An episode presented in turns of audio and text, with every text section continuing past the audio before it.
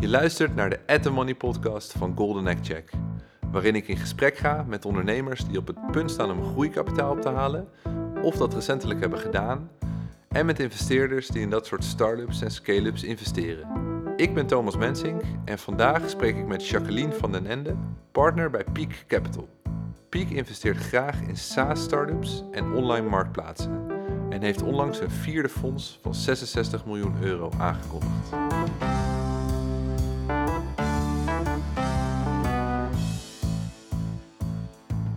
Jacqueline is net begonnen bij Peak nadat ze een aantal jaar als ondernemer actief is geweest op de Filipijnen.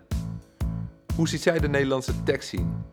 Wat is de toekomst van online marktplaatsen? Hoe beoordeelt Peak of een start-up team echt goed is? En welk advies heeft Jacqueline aan founders die willen fundraisen?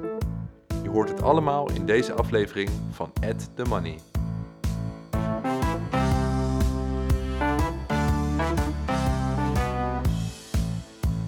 Ben uh, Jacqueline van den Ende en ik ben de nieuwste partner van Peak Capital. Top. Um, je bent net, net begonnen eigenlijk, hè? Je bent net een maandje of zo bezig? Ja, ongeveer zes weken. Hoe zagen die zes weken eruit? uh, ja, echt heel veel bedrijven gescreend. We hebben natuurlijk net uh, Peak 4 Fonds uh, opgehaald. Ja. 66 miljoen euro. En dat is even een maatje groter dan alle vorige Peak fondsen. We hebben hier voor Peak 3, was geloof ik 15 miljoen euro. Dus uh, nu zitten we opeens een stuk groter. Dat betekent dat we die dealflow moeten vergroten. Ja. We gaan ook een stukje internationaal investeren. Dus ja, zorg dat we gewoon heel veel dingen zien. Uh, en ook een stukje exposure krijgen naar de markt toe. Dus dat mensen ons weten te vinden. Dus ik uh, heb nu uh, heel veel events. je zult me op de radio horen, dat soort dingen. Ja. Om ook even de namen eruit te krijgen. Oké, dus, dus de eerste zes weken is gewoon uh, jezelf promoten en het nieuwe fonds promoten. ja, zo kun je het wel zeggen. Ja. Ja, precies. Zoeken weer starters. ja. Um, was het makkelijk om weer om op snelheid te komen, zeg maar? Heb je al het idee dat je erin zit nu? Want uh, um, ja, daar komen we straks nog even op, maar je, je, je bent natuurlijk niet uh, zeg maar als junior begonnen en nu iets weer een stapje omhoog gaan. Je hebt een andere achtergrond, maar was het makkelijk om op, op snelheid te komen bij Piek? Ja, goede vraag. Ehm, ja, dat was inderdaad wel even schakelen. Ook qua omgeving ehm, en de skills eh, in zo'n job. Ehm, dus ik moest ook weer even de visieboeken opduikelen. Hoe zat het ook alweer allemaal? Ehm, ja, en ik heb natuurlijk, ik ben nog niet heel erg familiar in het Nederlandse landschap. Ehm, maar het is gewoon echt eh, gewoon heel veel zien, heel veel lezen, heel veel mensen spreken. Ja. En dan krijg je wel vrij snel weer het overzicht van de markt. Dus, ja, ik- maar het is even op stoom komen. Ja, ja, precies. Hoe, wat, wat voor boek heb je gelezen dan? Heb je nog tips of zo? Eh, Ja, nee, Venture Deals. Ja, Heb jij die gelezen? ja, Ja, hartstikke mooi boek. Gewoon eh, echt een eh, heel goed A tot Z eh, overzicht van visie. Ik heb natuurlijk bij Hal wel geïnvesteerd, maar het is best wel anders ja hoe dat je dat meer aanpakt. corporate finance natuurlijk. Niet corporate finance, maar echt private equity. Sorry, private equity inderdaad. Ja, Dus bij, kijk, hier investeer je natuurlijk heel erg op team, eh, een stukje op thesis, een stukje op tractie. Bij Hal eh, investeer je hardcore op de P&L. ja dus eh, precies. dat Topline is echt... growth. is- Ja, bij Hal heb ik wel eens een maand besteed aan het waarderen van een pensioenasset. Dus ik dat ja, de skillset is een beetje anders. ja. Kan je dan wat, neem ons even mee zeg maar in hoe je tot hier bent gekomen dan. Want eh, je zegt je moet weer even wennen in, in Nederland. Je komt vanuit de Filipijnen nu. Maar hoe, hoe heeft jouw carrière er dan tot nu toe uitgezien? Hoe, hoe heb jij het zo ver geschopt? It's been a wild ride, I guess. Ehm, nou, misschien begint mijn carrière wel met eh, de kleine consultant. Ik heb eh, als student de kleine consultant opgericht als een uh, studenten-consultancybureautje. Dat is heel goed gegaan. Dat was mijn eerste exposure, mijn eerste liefde ook wel voor het ondernemen. ja, Vanuit een idee, uh, ja, vanuit niets iets creëren. Uh, nou, de kleine consultant die staat nu 11 jaar. En daar lopen nog steeds elk jaar 100, 150 studenten rond. En heel veel studentensteden die bij de kleine consultant aansluiten. Ehm, dus dat was eigenlijk mijn eerste exposure tot het ondernemen. Eh, en toen, nou ja, op een gegeven moment na het einde van mijn studie moest ik een serieuze job die de rekeningen betaalt. Toen ben ik bij Hal beland. Eh, Ja. Dat was, ehm, dat was ook een onverwachte keuze. Ik ging veel meer richting de strategy consulting. En Hal vertelde mij ook letterlijk dat jij bent de wildcard. Voor de rest zaten er alleen maar Einstein-achtige figuren bij Hal. Echt hele, hele slimme analytische Ja. mensen. En ik, re ja, ik bedoel, ik ben intelligent genoeg, maar ik reken mezelf niet tot het Einstein-kaliber. Ehm, eh, maar goed, ja, toen eh, drieënhalf jaar bij Hal gezeten. Dat was heel leuk. En wat gaaf was aan Hal is een grote verantwoordelijkheid. We manageden toen een fonds van zo'n 8 miljard, maar met Ja. een teampje van 15 man Ja, inderdaad. Waar je- ja. echt vanaf dag één als associate eh nou ja, 100% in het diepe werd gegooid. Ik ging dan mee met Jaap van Wiegen, de directeur, en ik daar als nou, echt bleu associate. En dan zaten we aan tafel met een CEO van een groot bedrijf zoals Sanema. En dan zei, ja, dan zei Jaap onvoorbereid van, nou Jacqueline, begin jij maar met de meeting. En dan stond je even met je mond vol tanden. en je kreeg daar gewoon enorm veel verantwoordelijkheid. Dus je zat daar aan de voorkant, aan, het, eh, aan de deal sourcing, aan de analysekant. Maar ook werd je vol betrokken in een DD. Kreeg heel veel verantwoordelijkheid in portfolio management. Dus bij Hal heb ik wel het E to Z gezien van investeren. Ja. En na drie, drieënhalf jaar begon het voor mij wel echt te kriebelen. Ik wil gewoon heel graag ondernemer zijn. En ik heb toen ook zelfs mijn paswoord van mijn laptop veranderd naar Startup 2013. Dat moest en zou. en ja, Elke keer als je het invult, Ja. eh, dan eh, ja, denk Ja, je daar weer aan eigenlijk. precies. Echt zo'n reminder voor, oké, ehm, eh, gewoon dat elke dag op mijn netvlies zetten. En toen ben ik met een aantal partijen gaan praten. En toen kwam Rocket Internet op mijn pad. En zij zeiden van, joh, wat vind je van een avontuur in het buitenland? En ik dacht, nou ja, New York, here I come. en ik ken nog heel goed een moment dat hij zei van, wat vind je van de Filipijnen?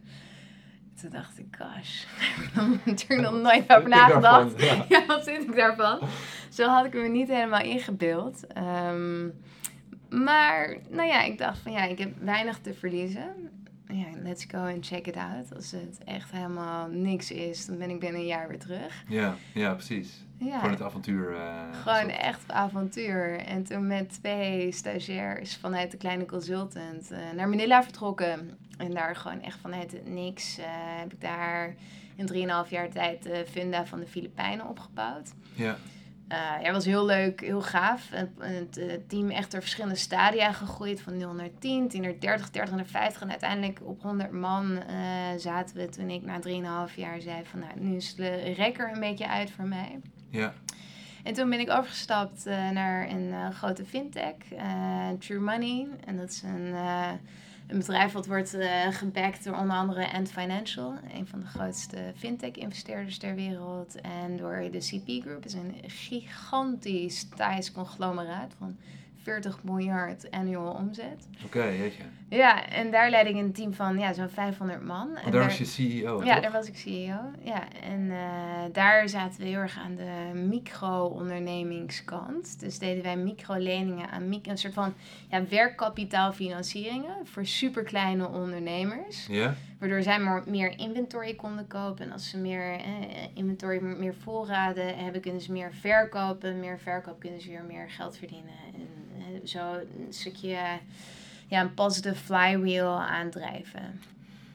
Wat ik me afvroeg, hoe is Rocket bij jou terechtgekomen dan? Eh, en en, en hoe, hoe durfde ze eigenlijk aan om jou, want ja, je hebt kleine consultant, maar dit was dan echt een heel ander type, echt een, schaalbare start-up toch? Eh, Die eerste eh, funda, zeg maar.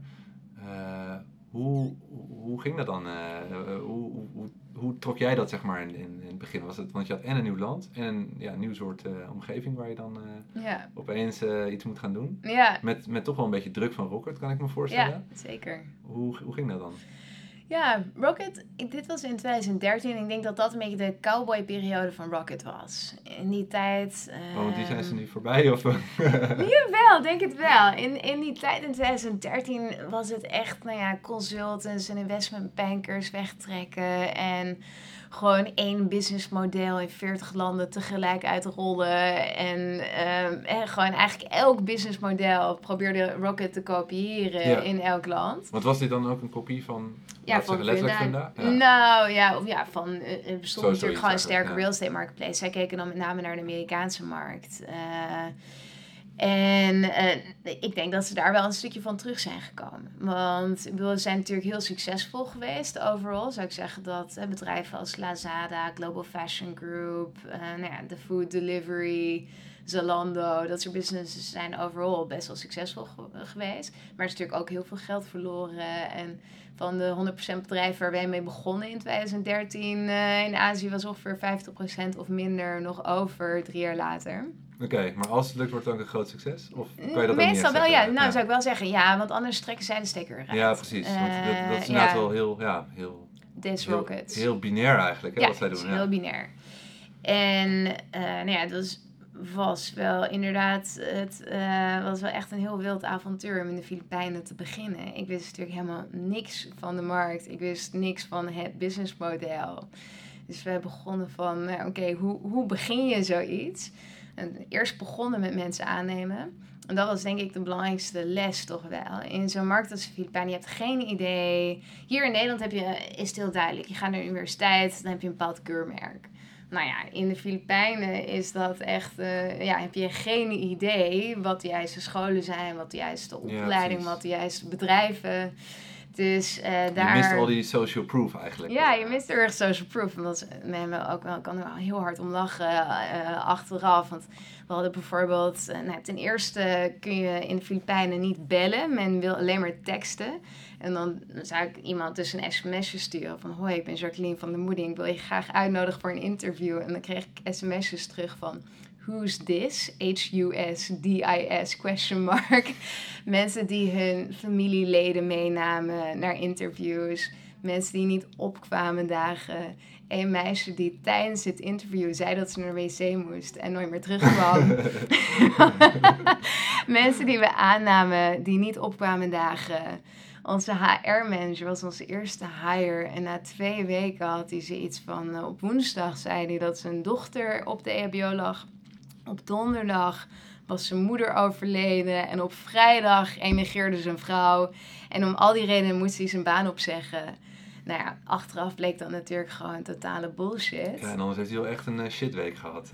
eh. Ja, precies. Ja, en ik nog heel begrijpend en zo. Dus eh, ja, je, daar moest je een stukje even de cultuur leren lezen. ja. Maar het was een hele steile leercurve. Dus ja, ja, geweldige tijd gehad. En een groot avontuur dus ook. Want voor Ja. mij elke dag is weer een verrassing.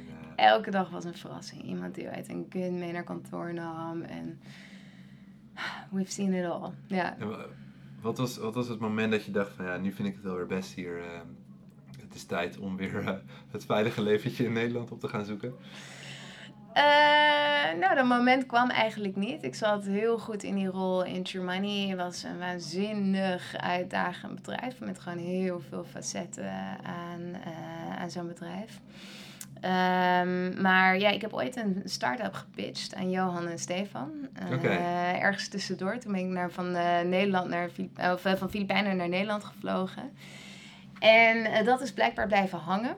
Dus eh, drie jaar later... Start-up idee of Eh, nee, jij, ik, zeg maar. ik, ja. apparently, ja. Eh, dus drie jaar later benaderden ze mij weer ja, om partner te worden bij Piek. En dat was eigenlijk het moment om na te denken en te zeggen van, nou ja, oké, ik zit hier nu zes jaar. Misschien ook wel interessant om te kijken hoe het in Europa gaat met de tech scene. Ja, Dus dat was eigenlijk een hele mooie brug terug.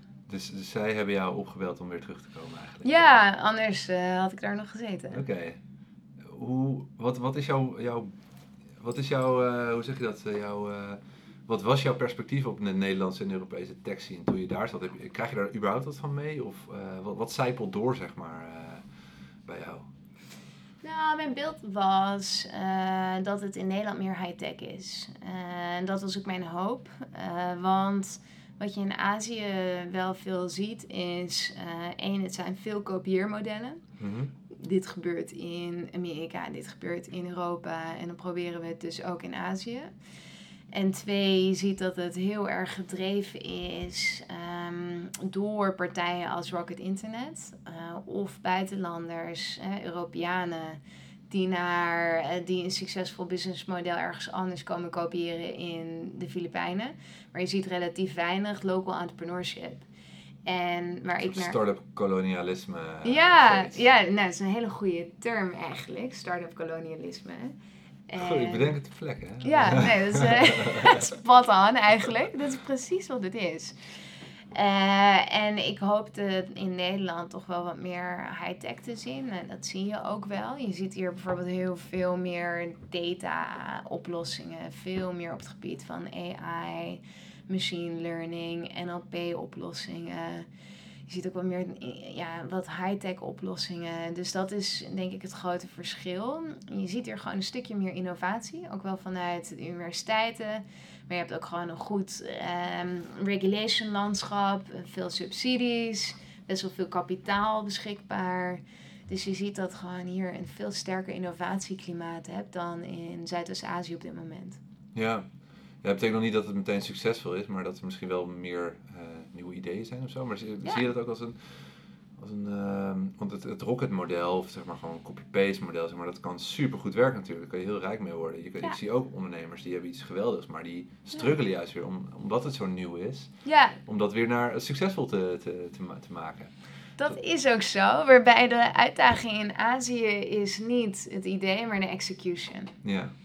Ga dat maar eens voor elkaar krijgen. En bij Lamoudi was de uitdaging. En ja, de Filipijnen liep uh, tien jaar achter op het gebied van internet adoption. Dus toen ik in 2014 aankwam, toen dacht ik eigenlijk, ja, dat hele real estate model, dat is al helemaal passé. En dan komen we hier eigenlijk heel laat uh, nog eens mee op te proppen. Maar niets bleek minder waar. En dus moesten de hele markt gaan overtuigen van het nut van digital advertising. En in de tijd dat ik daar zat, hebben we ook echt die omslag gezien van heel erg fysiek, offline denken naar super digitaal denken. Andere, andere uitdagingen of schalen zijn hè, werknemers. Ga maar eens uh, de juiste mensen vinden en behouden en motiveren. Dus ik denk dat de uitdaging in Azië zit hem veel meer in de mensen, de execution, de challenge of operations, uh, stukje regulatory risk, um, maar niet zozeer in het idee zelf. Ja, precies. Maar is dan, want ik kan me voorstellen, executie en laten we zeggen talent management of zo, of nee. HR, dat, dat zijn dingen die je mee kan nemen nu naar Piek, toch? Dat zijn dingen die je misschien ja. daar hebt geleerd en dan juist nu hier kan, kan toepassen. Of? Zeker, en dat is ook denk ik waarom zij mij uh, zagen zitten, omdat Piek is gewoon super hands-on met, uh, met onze onderneming. Omdat wij ook echt heel vroeg instappen. Sommige bedrijven zijn pre-revenue. Sommige bedrijven zou je kunnen zeggen dat ze ongeveer pre-business model zijn. En wij kunnen dan heel veel, heel veel waarde toevoegen. En dan helpt het wel heel erg als jij gewoon hands-on ervaring hebt gehad met... Oké, okay, uh, hoe recruteer ik een team? Hoe zorg ik dat ik daar structuur in breng? Hoe zorg ik dat mijn reporting opzet? En, uh, en die hands-on ervaring die ik heb gehad is gewoon heel nuttig bij het begeleiden van die early stage bedrijven. Ja, precies. Sowieso gaat, uh, is dat natuurlijk een claim van, van Peak, hè, van we zijn een ondernemende ja. investeerder. Ja. Nu zeggen meer investeerders dat natuurlijk, maar ja. uh, bij jullie zit voor mij de truc dat en zeg maar de investeerders zijn allemaal, hebben allemaal een ondernemende achtergrond, maar ook de, de LP's, zeg maar, dus de investeerders in het fonds. Klopt. Um, maar, maar kan je, dat nog, kan je daar wat meer over vertellen? Zeg maar? hoe, hoe ziet jullie, uh, hoe, wat maakt jullie ondernemend eigenlijk? Dus ja, hmm. apart van wat ik net zei, zeg maar. ja. klopt dat inderdaad? En hoe ziet jullie LP-base eruit bijvoorbeeld? Ja. Nee, klopt. Klopt als een bus. De LP's zijn over het algemeen ondernemers. Nou wil niet elke LP genoemd worden. Dus ik kan ja. niet per se zeggen wie erin zitten. Maar het zijn meestal ondernemers die ja, hun sporen hebben verdiend en die bij ons instappen. Um, het onder en, en Johan zelf, uh, managing partner van Peak, is heel ondernemend. Hij heeft meerdere bedrijven gehad en verkocht. Um, dus hoe zijn wij ondernemend? Ik denk in het stukje um, de manier waarop wij naar zo'n investering kijken. Dus heel vroeg in durven stappen. Omdat wij Ehm, en wa- waarom kunnen wij vroeg instappen? Dat zit hem in een stukje aanpak. Zit hem een stukje in. Wij geloven heel erg in team. Dus dat weegt heel zwaar in onze eh, T-score, als het ware. Ja. Eh, en de manier waarop wij eh, bedrijven raten, daar zit team eigenlijk met een gewicht van 50% in. Ja. Ehm, en met dat team, als we dan de juiste mensen hebben, gaan we met dat team eigenlijk die business samen opbouwen. Dus al lang voordat wij investeren, hebben wij het met de ondernemers gehad over wat is je businessmodel? Wat zijn de, de knoppen waar je aan kan draaien? Hoe kunnen we dat verbeteren? We hebben financiële prognoses gemaakt met het team als zij die nog niet hebben. We hebben een 100 dagen plan gemaakt met de ondernemer. Van hoe ga je nu precies de execution doen? Dus, en dat geeft ons denk ik een hele goede understanding van die bedrijven. De bedrijven geeft het een betere understanding. En zo gaan we eigenlijk bijna als het ware samen zo'n bedrijf opzetten. Ja. Dus dat is het ondernemen eraan. En ik denk dat Piek wel echt nog een stuk... Ik weet, ja, ik weet niet hoe anderen werken, maar ik kan me voorstellen dat Piek nog wel echt een stapje dieper gaat. En dat heb ik ook geobserveerd in de Ja. vijf weken dat ik hier ben. Hoe diep wij gaan met bedrijven die nog heel ver van zo'n investering afzitten, in dan denken we echt al heel erg mee. En wanneer wij besluiten van nou, het is nog niet voor ons, dan geven we dat ook uitgebreid aan je terug. En dan nemen we ook gewoon de tijd om een uur een beetje door de financials te kijken. En hé, hey, dit is waar de schoen wringt. En met elkaar eh, samen te werken, hè, waardoor het misschien in de toekomst wel dan past. Ja, precies. Maar dus je, je gaat natuurlijk van een fonds van, zei je, 12, 15 miljoen of Ja. zo, naar een fonds wat eh, meer dan vier keer zo groot is. Ja, Eh, voor mij willen jullie van 10 of 12 of zo bedrijven, een portfolio zeg maar, 20. naar 20 gaan. ja precies. Dus Ja. dat betekent ook dat je veel meer, eh, ja, eh, je hebt veel meer bedrijven waar je dus zo hands-on mee bezig moet gaan. Ja. Ehm, dus, eh, hoe, hoe ga je dat doen? Ga je je team uitbreiden of ga je juist bijvoorbeeld minder tijd per bedrijf erin stoppen omdat je in een bedrijf gaat investeren die net een stapje verder zijn of zo? Of, of, ja. Ja, goede vraag.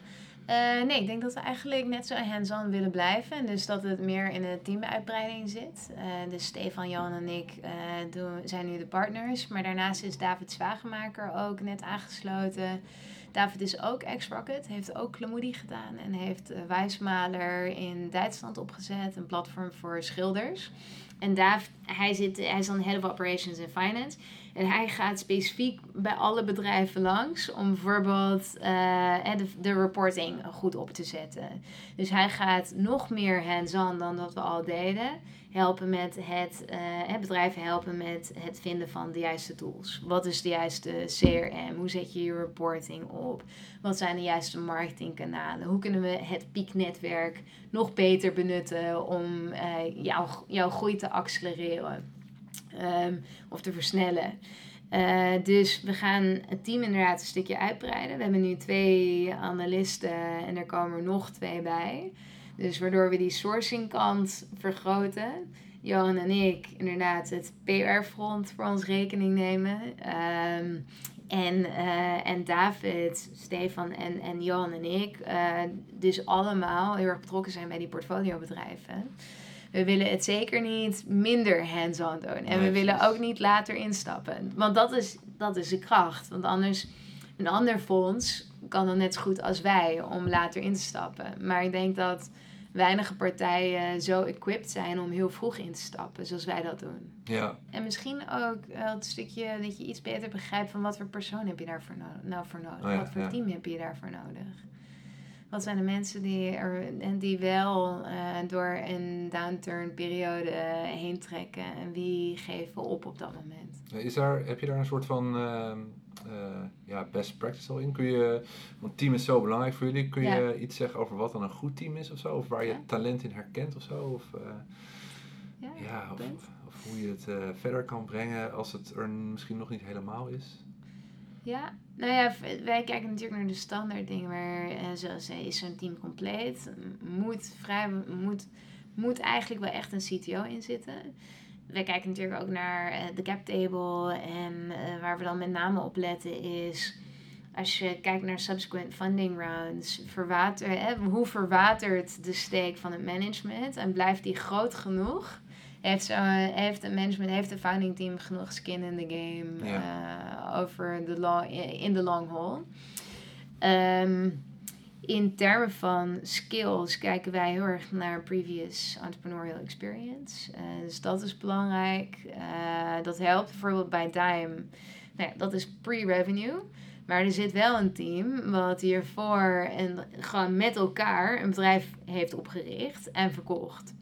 Dus we hebben dusdanig vertrouwen in dat team. Ja, Dat wij nu ook eh, in het team durven te stappen zonder dat er eigenlijk een proven business model staat. ja, ja, precies. Ja, qua, qua profiel. je ziet natuurlijk hele verschillende founders. Ehm, vaak is een goed CEO-founder profiel toch wel de hustler. Degene die gewoon echt de bühne opgaat en het gaat verkopen. Dat is vaak voor ons wel de meest succesvolle. Af en toe zie je meer een hipster of meer een product persoon als CEO. Maar voor ons werkt de commerciële types ja, toch meestal wat beter. Ja, jullie geloven echt in die drie-eenheid hè, van die, Ja. eh, die hacker, dat is dus die CTO waar Ja. ik over had, die hustler, de CEO-achtig en de Ja. eh, hipster, hè? Ja, die had nog niet. Ja. Ja, ja, Dat, want dan heb je het eigenlijk over een gebalanceerd team in, in Ja. terms of, het, in, in, in termen van eh, eh, skills en competenties. Ja. Ehm, je hebt over track record. Ja. Ehm, zijn er nog andere dingen? Of, ja skin kan- in the game. Skin in the- ja, precies, dat is een belangrijke. ehm, eh, ehm, what else is important? Want Ja, kan, denk- kan je dat herkennen ook, gewoon talent? Je Kan je dat, Ja. Zie je dat? Spreek je, als iemand spreekt, denk je dan van dit, dit, dit is wat of zo? eh? ehm, Of, of moet je dan echt, moet iemand door echt in een, in een eh, hele lastige situa- situatie zitten en kan je dan pas beoordelen hoe iemand reageert of zo? Dat lijkt me heel lastig vanuit zo'n gesprek die je hebt, zeg maar. Eigenlijk Ja. wil je dan een stukje meelopen om te kijken of het echt... eh, Nou, je, je merkt natuurlijk wel subtiele dingen. Bijvoorbeeld iets wat voor ons heel belangrijk is, is coachability. Dus af en toe krijg je ondernemers en die blazen gewoon heel erg hoog van de toren. Of je ziet dat zij gewoon niet ontvankelijk zijn voor feedback. Nou, dat is voor ons wel een red flag. Want we, moeten, we gaan wel met elkaar voor tien jaar in zee. Eh, dus er moet wel een goede relatie zijn. Dat, dat is bijvoorbeeld voor ons een red flag. Een red flag is als iemand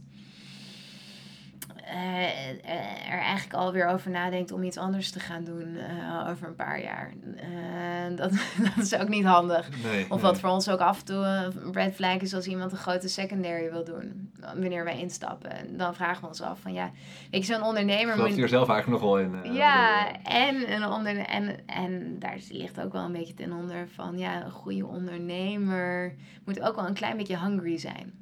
Als jij al met je villa eh, ergens helemaal al je schaapjes op het droge hebt, hoe hard wil je dan echt knallen? Hoe, hoe diep ga je dan? Ja, Nou, dat, dat is geen waardeoordeel, want het kan net zo goed zijn als sommige mensen al tien keer binnen zijn en nog steeds keihard aan het knallen zijn. ja, want dan heb je track record. Ja. Maar dan is dus de vraag, is die commitment er nog? Ja, ja. precies. Ja. Maar wij, ehm, precies, je, je, de verwachting is, je gaat door een moment waar het gewoon tegen zit. Je gaat door momenten waar je af en toe op het randje staat. Dan moet je wel door blijven gaan. Nou, en ik denk dat, je, dat wij dat een stukje herkennen uit ervaring van gewoon heel veel mensen zien en spreken. Nou, dat is voor mij nog een stukje eh, leren. Maar Johan, die heeft gewoon ontzettend goed gevoel eh, van wie zijn de mensen die dit kunnen en wie niet. Oké, ja. Ja, het ja, onderbuik is natuurlijk ook een Ja, onderbuik- ja hij is een onderbuikman. Ja. Ja. Ja. En, en nog even over dat eh, jullie vierde fonds. Eh, want eh, ik las in het persbericht ook dat jullie ehm, eh, wat meer ook niet alleen op Nederland willen richten, wel binnen dezelfde zeg maar, focusgebieden blijven van SaaS-platformen en, en marktplaatsen. Ja. Ehm, iets verder buiten de grens ook willen kijken. Eh, is, dat, is dat juist omdat je denkt dat er nog heel veel pareltjes zitten, eh, Ja. die je nu eigenlijk nog niet kon eh, bedienen? Ja. Of, ehm, of is de markt gewoon in, in Nederland voor zeg maar 20 goede portfoliobedrijven, is, is dat gewoon, wordt dat een lastig verhaal, zeg maar? Of misschien Ja. allebei een, be- een beetje of zo? Hoe Ja, zit dat goede precies? vraag. Ik denk allebei een beetje. Ehm, maar met name het eerste. Ik denk dat er gewoon hele goede opportunities zijn in het buitenland. waar wij gewoon ook waarde toe kunnen voegen. Ehm, en eh, dan kijken we met name naar uh, de dagregio Duitsland, Midden-Europa. en naar de Nordics. Dat zijn eigenlijk met name. Ik, ik denk dat wij die markten best begrijpen. Als je naar Frankrijk gaat, heb je al wel een hele andere werkomgeving. Zuid-Europa is cultureel heel anders. Ja. Ehm, maar en die landen waar we cultureel wat meer op één lijn zitten, dat voelt uh, ja, als iets wat wij kunnen begrijpen. Ehm, dus ja, ik denk dat daar nog veel pareltjes zitten. Dus, dus echt niet alleen zeg maar Benelux, maar echt jullie ambities en, en, en uh, blik is nog veel verder dan, uh, ja, dan dat. zeker. Waarbij we wel bijvoorbeeld niet naar Engeland gaan. Want Engeland heeft gewoon een heel erg mature visielandschap. Ja. Dus dan is de vraag van wat voegen wij daartoe? Ja, ja, want dat, ja, maar dat geldt denk ik ook nog steeds voor, die, voor bijvoorbeeld uh, Zweden of zo. Hè. Die heeft ook best wel, is best wel ver. En, en dan denk ik altijd van ja, als er nou een Zweeds bedrijf bij Peak Capital in Amsterdam aanklopt. Ja. Ga je dan niet afvragen van, ja, maar uh, waarom? ga je niet naar Noordzone of zo? Ja. Zeker, zeker. Wat is hier aan de hand? Uh, ja, nee, zeker. Niks te nadelen van jullie, hè? Want misschien hebben jullie juist wel... Uh, nee, totally. Als er een bedrijf uit Engeland of Amerika aanklopt, dan denk ik ook wel van, oké, okay. but why? Ja. Um, nee, ja, goed. of je moet ze dus niet alleen maar lok, maar echt actief daar, daar gaan jagen. Dus zijn jullie dat ook van plan? Dus, dus echt ja. fysiek ook gewoon daar wat vaker heen of zo? Of, of, want dan moet je. Ja. Want dan kom je wel weer in een soort pan-Europees speelveld ja. terecht natuurlijk, waar meerdere spelers Zeker. zich in bevinden. Nou, strategie 1 is co-investeren. dus gewoon echt een goed netwerk aanhalen. We doen al heel veel met Point 9 bijvoorbeeld. Axel zit in een investering van ons. Dus voor bij Katawiki en bij Studoku hebben we ook gewoon internationale Engelse visies aan boord. Dus daar hebben we al een stukje relatie opgebouwd. En dat is een van de dingen die we het eerst willen doen. Goede relaties aanhalen met andere visies. Dat kan zijn bijvoorbeeld een um, buitenlandse visies die naar Nederland willen. Nou, daar voegen wij een stukje waarde toe, want lokale marktkennis. En andersom kunnen wij een stukje kapitaal toevoegen aan iemand met lokale marktkennis die ook gewoon vroeg zit.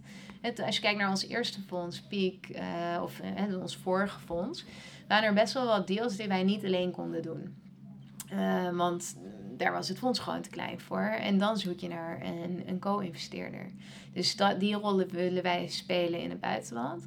En we willen onszelf ook op de kaart zetten. Dus uh, veel reizen. Ik ga naar Helsinki en Dublin en Lissabon en al die plekken.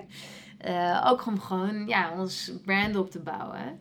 Wij gaan op dit moment nog niet uh, people on the ground neerzetten in zeg in Zweden. Bij andere fondsen heb je dat wel. Ik geloof dat Endite of Henk uh, heeft wel mensen in andere landen zitten. Wij nog niet, maar daar zou het natuurlijk wel heen kunnen. Dat je op een gegeven moment een partner in de Nordics hebt en een partner in de dagregio. Ja, precies. Ja. Ik denk dat het, uh, dat, dat het daarom goed is ook dat jullie zo'n focus hebben. Ook weer niet te breed, zeg maar. Ja. Want, um, of, of, dus, dus ik zie veel fondsen die een beetje struggelen, die ofwel een te specifieke niche hebben uitgekozen. Dus die, die hebben dan weer moeite om genoeg dealflow te vinden die daarbij past. Of die te breed zijn, laten we zeggen, B2B uh, mm. software. En dan, mm-hmm. en dan in Europa, ja, dan, dan kun je dus, dat kan hoor, maar dan, dan heb je die hele grote fondsen die eigenlijk niet de series A doen, maar juist een beetje afwachten wat er dan doorcijpelt. En, en daar gaan ze, klappen ze vol in. Uh, Zeker. Dus, dus, je moet heel, heel goed inderdaad kiezen wat dan, uh, hoe breed je scope is en hoe, hoe je daar um, ook een, een thought leader in, in, in wordt. En dat, dat heb ik altijd wel gewaardeerd in, in Peak, gewoon de, de um, hoe jullie eigenlijk de, de markt ook proberen op te leiden, zeg maar, op, op, marktplaatsgebied, met, met content, met, met waar jullie ook maar dingen kunnen toevoegen door ja. op de radio te zijn of ja. wat dan ook. Ik denk dat dat wel een belangrijke rol is. Maar ja. dan is de vraag, kan je dat ook naar het buitenland opschalen? Dat, dat, dat, ja, zeker de vraag. Ik denk dat Piek dat heel goed heeft gedaan in Nederland. En inderdaad echt wel een thought leader is op het gebied van marketplace en SaaS. En dat is ook wanneer wij en partijen in het buitenland benaderen andere visies, is dat stukje marktkennis wat wij ook meebrengen. Ehm, kunnen we dat opschalen? Nou, dat gaan we natuurlijk wel proberen. Overal op congressen doen wij ook bijvoorbeeld die open office hours. Om gewoon ook te vertellen en te laten zien van ja, hey, die, uh, precies, die ook nog. Ja, dat, uh, ja. ja. en dat is een hartstikke mooie manier om, om te laten zien hoe pakken we dat nou aan. Want bij zo'n open office hour, en ik doe die nu heel veel in Amsterdam. Vrijdag ga ik naar Rotterdam. Uh, laat je eigenlijk zien van nou, de deur staat open. Kom naar ons met je probleem. En wij gaan proberen je te helpen. En daar besteden we serieuze aandacht aan. En no matter wat voor ja, phase je, zit. Uh, het mag een recruitment probleem. kan op de funding zitten. Ik had uh, afgelopen vrijdag kwam een jongen bij ons. ex-Rocket founder.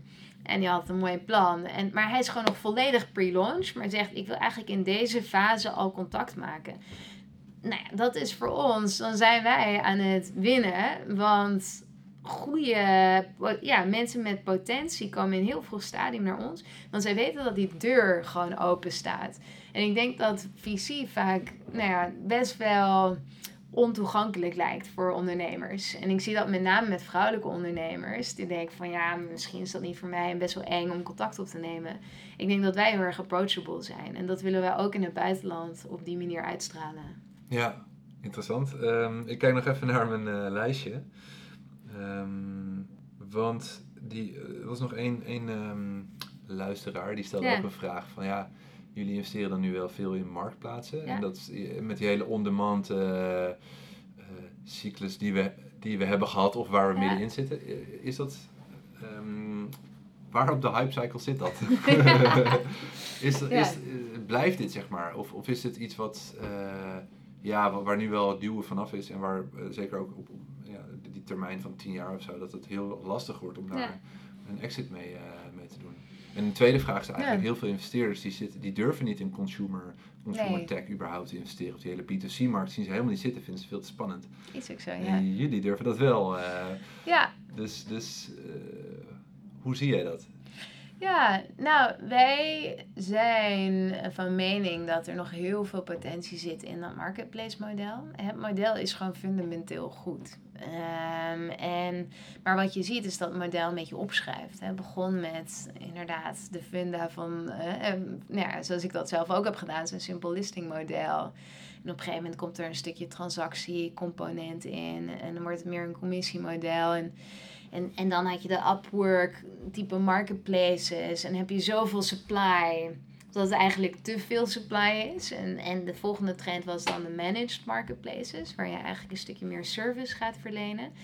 En, en de volgende opportunity, en dat zien we ook wel een stukje in de dealflow, is meer de regulatory marketplaces. Dus uh, de type markten die vroeger gereguleerd waren. Ja daar zie je dat nu spelers in gaan acteren. Ik sprak gisteren iemand die was bezig met. Um, uh, zij doet change management en zij heeft dan een platform opgezet voor change managers. Nou, vroeger is dat iets waar je legt een certificaat voor nodig zou hebben. Um, maar zij, die, de rol van marketplaces is dat je de, ja, de uh, trust factor, die vroeger uit een certificaat kwam, komt nu uit een marketplace. Dus als een marketplace een hele goede screening heeft, dan kan dat um, de, de, de rol van de licentie overnemen. En daardoor kun je uncertified mensen eigenlijk een, een bepaalde dienst laten uh, leveren. Nou, het heeft Uber natuurlijk ook gedaan met taxichauffeurs. Allemaal mensen die geen taxichauffeur certificaat hadden of opleiding, maar die wel gewoon hele goede drivers zijn. En dankzij het ratingsysteem creëren zij dat vertrouwen. We spraken met een Duitse partij, die uh, doen dat nu voor personal coaching. Ook typisch iets waar je vroeger mensen had die opgeleid zijn. Nou, nu doen zij een stukje van die opleiding. Dus zij Mhm. bieden die opleiding aan, waardoor mensen personal trainer, een certified personal trainer kunnen worden. Ja. Eh, en zij drukken er een kwaliteitsstempel op in plaats van dat iemand een certificaat heeft. Nou, ja, precies. Dus het gaat niet alleen maar om, om vraag en aanbod bij elkaar brengen, maar ook de kwaliteit van de Ja. vraag eh, of van het aanbod eh, zodanig eh, presenteren dat, dat de third party die normaal de licentie of wat dan ook gaf, eh, eigenlijk niet meer nodig is. Eh, Dat is precies het. En dat is een grote opportunity. En dus daar, wat daar succesfactoren zijn, is dat een, zo'n model goede screening heeft. Van oké, dit zijn. Bijvoorbeeld Charlie Cares is ook een heel mooi voorbeeld daarvan. Ja, vroeger zou je echt niet een random iemand... Uh, op je kinderen laten passen. Op je kinderen laten passen. Maar wat Charlie Cares heel goed doet, is dat ze het heel persoonlijk maken. Van oké, dit is Annemarie, heeft hier gestudeerd, uh, ziet er zo uit, is lid geweest van dit of dat, weet je. En daardoor hebben mensen, zij, zij doen die screening dus heel goed, de informatieverschaffing over de persoon. En daarmee creëren ze dat uh, trust, ja, hoe noem je dat? Een, een seal of trust eigenlijk. Ja. En daarmee zijn zij heel succesvol. En vaak zie je dan dat er ook een stukje opleidingscomponent aan zit. Dat je mensen eigenlijk opleidt tot een bepaald beroep. En daar is nog een best wel hele on onontgonnen markt. Uh, af en toe zie je dat de regulering eigenlijk wat uh, relaxter wordt, waardoor uh, dit soort opportunities dan openen. En maar het is wel een stukje de higher hanging fruit dan de initiële simpele listingmodellen voor alles. Ja, precies. Maar je zegt de regulatory gaat open of het is juist, er ontstaan nieuwe modellen waardoor die regulatory modellen eigenlijk overbodig, overbodig worden. Of, of juist dat het gaat schuren, dat het niet meer werkt of zo. Dat ze ook wel denken van ja, hier moeten we iets mee. Uh, en dat het dan, ja. of, maar dat blijft een risico, vind ik ook. Het is niet echt een marktplaats, maar die, die elektronische stepjes bijvoorbeeld, hmm. daar kan je heel veel van vinden, maar het mag hmm. nog niet in Nederland. Dus uh, is ook zo. Ja, dat, dat lijkt me dan weer super spannend. Om in dat soort, ja, in, in, een soort gelijke marktplaatsen stappen waar, waar de markt er misschien nog niet eens is, maar opeens ja, ook weer zo'n binaire uitkomst heeft. Het kan er komen als de wetgever meewerkt of, ja, of niet. En dan uh, doe je niet meer mee. Zeker het geval. En dus er is een veel groter component van regulatory risk. Want als jij bijvoorbeeld ook uh, zegt, nou ja, met zo'n personal coaching platform Um, nou, initieel kun je dat een beetje onder de radar doen, maar op het moment dat je succesvol bent, krijg je veel meer rugbaarheid. En misschien dat zo'n beroepsgroep, organisatie dan zegt van ja, ho eens even. En dat je dan in een regulatory battle belandt. Nou ja, zie Uber, zie, zie Airbnb. Ja, precies. Ja. Dat zal nog even blijven doorgaan, denk ik. Dan. Ja. Dit, dit is, ja. Je zegt eigenlijk, het is een trend die die niet stop is misschien, maar die wel weer nieuwe fases gaat. Uh... Jawel, en in general, wanneer er de demand groot genoeg is, volgt de regulering. En meestal, dat zie je toch ook wel. Nou ja, Airbnb is een, is een verhaal van ups en downs. Ik denk dat ze eigenlijk nu de regulering meer tegen hen keert dan voor hen is. Maar Uber heeft het uh, geval in heel veel landen heel, heel goed gedaan. Had, je, had jij had jij in Airbnb willen stappen? Zeg maar even los van dat het uh, financieel succes was, zo, maar ook, ook gezien zeg maar, de, de negatieve kanten ervan. Dus ja. Uh, goed, je, je kan het zo bedenken, maar had jij daar, stel je voor dat ze hier, ik weet niet, nu aankloppen en het, of, of tien jaar geleden dat je, dat je net bij ja. zat of zo, ze kloppen aan en je weet dit ongeveer van, dit zou wel eens kunnen gaan gebeuren. Zou je dan alsnog instappen of niet? Denk je daar ook op die manier over na, over de, de, de negatieve side effects of de, de collateral of zo die er dan bij komt kijken? Ja, goede vraag. Um, ik heb daar nog niet zo goed over nagedacht. Um, nou, daar zouden wij wel veel vraagtekens bij stellen. Ik weet niet of wij het zouden aandurven om die hurdle van... oké, je gaat echt vol aan regulatory battles. En die moet je ook in elk land, moet je die individueel ja, aangaan. Ja. Dus ik denk dat dat wel aan de threshold van zijn risk appetite had gezeten. Maar als je daarentegen gewoon enorm goede tractie ziet en heel veel demand, dan had ik toch wel gedacht, dan zou ik toch meer leunen naar van nou die regulering volgt. Want regulering is vaak lagging en not leading. Dus uh, ik had er dan, was waarschijnlijk dan toch wel in meegegaan op basis van tractie en team. En ja, je hebt helemaal gelijk. In die regulatory marketplaces voor de regulatory risk, dat zit normaal niet in ons model. Er zit normaal niet zozeer. Ja, het zit een stukje thesis. En wij kijken naar team, tractie, thesis en timing. Ja. Regulatory risk zit een beetje in de thesis. Maar je moet daar meer met een riskbril op naar gaan kijken. Het is een nieuw stukje risico in de visieformule. Ja, precies. Want het. Um eigenlijk, soms zijn Nederlandse investeerders gewoon nog te lief misschien. Eh, en dat is goed hoor, ja, ik vind het soms Ja. goed, maar eh, eh, ook, dat zie je ook gewoon in, in of ze bedrijven die slecht gaan laten vallen of dat ze die juist nog, Ja. nog bij willen, of gewoon willen helpen. Als je kijkt naar het Amerikaanse model, en ik weet niet hoe, hoe dat met Rocket was, ik kan me Mm. ook voorstellen dat het meer zo'n soort model is. Van ja, het gaat om, we moeten winnen. Hè? Ja. We, de, deze, we moeten de nummer 1 in de markt worden, Ja. ten koste van alles. Ja. En als het niet lukt, dan, dan is het gewoon klaar en dood en eh, dan nemen we de telefoon niet meer op. Ja. En, en Nederlandse investeerders, die zijn misschien, eh, als ik een beetje ga generaliseren, maar zijn misschien te lief misschien. En, en, ik, ik weet niet of dat per se een probleem is, maar ik denk wel dat het in ieder geval anders is. eh. Ja, nee, dat is een interessante observatie. Eh, Rocket was daarin eh, keihard. Als het niet goed ging, dan was je gewoon, ja, was, gewoon, was het gewoon opdoeken. Ehm, maar misschien, kijk, in Amerika en, en ook wel Rocket, die spelen wel een grote. They, they're playing a bigger game. Ja, Amerika is high risk, high return. Die markt is heel groot. Dus je kan er ook ja, gigantisch in schalen. Als het goed gaat, dan kun je ook echt knijterhard gaan. En veel groter worden dan je ooit in Nederland kan worden. ja, En dus is het ook logischer om die dingen die niet goed gaan, hard, sneller af te schieten. Want in Amerika kun je niet met een klein budgetje wat gaan proberen. Als je en daardoor voor de markt gaat, dan neem je ook gewoon een stukje meer risico. Dus het is, denk higher risk, higher return. Daardoor sneller dingen afschieten. In Nederland hebben we niet de luxe van een hele grote markt. En het misschien af en toe toch inderdaad manoeuvreren en kijken hoe je iets dan wel op de rit krijgt. ja. ja, Dus, eh, ja. En nog even terug naar dat, ehm, het 4T-model. Ja. Of noem je dat de T, hoe noem je dat? Wij noemen het de T-score. T-score, Ja. T-score. Dus die 4 T's, dus team, tractie, eh, timing en thesis, klopt Ja, klopt. Ja. Als iets niet in orde is, eh, of laat zeggen, drie zijn goed en, e- of, ja, drie zijn goed en eentje is gewoon wat minder. Wat, eh, wat, wat is nog het beste fixen, zeg maar? Ja. Ehm, ja, goede vraag. En dat is ook een vraag die wij onszelf stellen. Want eh, nu, eh, nu we wat harder moeten gaan en gewoon meer deals moeten doen, hebben we ook wel een discussie over: oké, op welke T kunnen wij dan een stukje ingeven waar we vroeger niet de deal zouden doen? Doen we dat dan nu wel?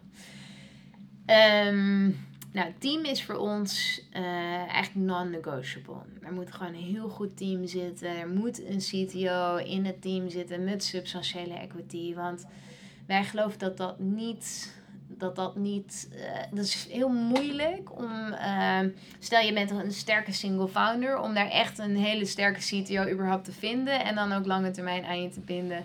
Dat is veel moeilijker dan men denkt over het algemeen. Dus het team kunnen wij weinig op ingeven. Ja. De, ik denk dat wij een klein stukje naar voren kunnen schuiven in tractie. Misschien hoef je nog niet op een MRR van 50, 60. Niet dat we daar hard en fast rules voor hebben. Maar als wij hele initial tractie, tractie zien en wij begrijpen de business case. Dan kunnen we wat vroeger, nog net wat vroeger instappen. Ja. Een, een voorbeeld is bijvoorbeeld Invoice Finance. Ja. Invoice Finance een ervaren team. En in een markt die wij goed begrijpen. In eh, SME financing. Daar zijn wij ingestapt zonder dat er tractie was. Pre-revenue. En dat is nu een van de allersterkste partijen in ons portfolio. Ja, Dus die tractie, dat is waar wij een stukje naar voren kunnen schuiven. En zeggen van nou, op basis van de goed begrijpen de team markt en, en, eh, de, het ja, team, eh, geloven wij in de execution. ja, Ehm, en, en, en dan de timing, daar kunnen we dus ook. hè, timing is voor ons, hoe ready ben je voor een investering? Ehm, eh, dat, ja, daarin kunnen we ook een stukje naar voren opschrijven. Maar met name het team, Het team geen niet- compromissen. Nee, nee. Oké. Heb je dan misschien tot slot, maar heb je nog ehm, advies voor founders die, die willen fundraisen of die, Ja. Die, die willen opschalen en denken van ja, moet ik dan geld ophalen of niet? Eh, Mhm. ook misschien vanuit je eerdere ervaring. ehm, Ja. wat, wat zou je ze adviseren? Eh, nou, heel praktisch advies is eh, klop vooral eens aan. Ja. Eh, want, again, Jullie zijn benaderbaar, Ja. office hours. Er zijn veel mensen die denken van, oh, dat is nog niet voor mij. Maar doe het vooral wel, want des te eerder je die relatie ook legt. Ja. Ja, je moet, VC zit er niet in van, oh, ik zie een deal met dealflow en die gaan we dan gelijk doen. Vaak is, wij zien dat als een marathon. We, we zitten er vaak, volgen we bedrijven voor jaren voordat we er ergens instappen. Ehm, ik denk, ik denk wel, en, dat is een beetje een contrast met de Rocket-methode. Bij Rocket begin je met een grote zak geld van andere mensen. En, en de, de founders hebben weinig skin in the game, want je hebt daar niet zelf geld in gestoken. Nou, dat werkt in VC niet. Eh, ik denk dat in VC, eh, af en toe zie ik ook van die ex-Rocket founders, die eigenlijk op een businessplan beginnen te raisen. En dan met heel veel geld beginnen, maar ook daar niet heel erg capital efficient mee omgaan. Ja. Eh, dat werkt voor ons niet. Dus wij willen eigenlijk wel zien van, nou, jij hebt er hier al je eigen middelen in gestoken en het tot een bepaald tractieniveau gebracht. Eh, dan ben je een stuk geloofwaardiger. Dus ik zou zeggen, als je het zelf kan financieren, financier het zo ver mogelijk. Kijk wel altijd naar je runway. Laatst kwam iemand fundraise en die is in november uit de cash. Loopt hij uit de cash? Dan denk ik van, hmm, zou ik iets eerder aanpakken? Ja, misschien ben je iets te laat begonnen hiermee. Ja, Ja. ik zou zeggen, je kan eigenlijk niet vroeg genoeg de, de seeds gaan planten. Ja. Om in contact te komen met VC's, trekken ze stoute schoenen aan, krijg wat feedback op je plan. En dat, daar, daar zit geen afbreukrisico aan. ja. En, eh, maar probeer ondertussen op eigen middelen eh, en of met friends and family funding toch wel een end te komen. Want des te meer tractie je hebt, des te minder je eh, straks opgeeft in je eerste seedronde. En des te meer credibility je hebt.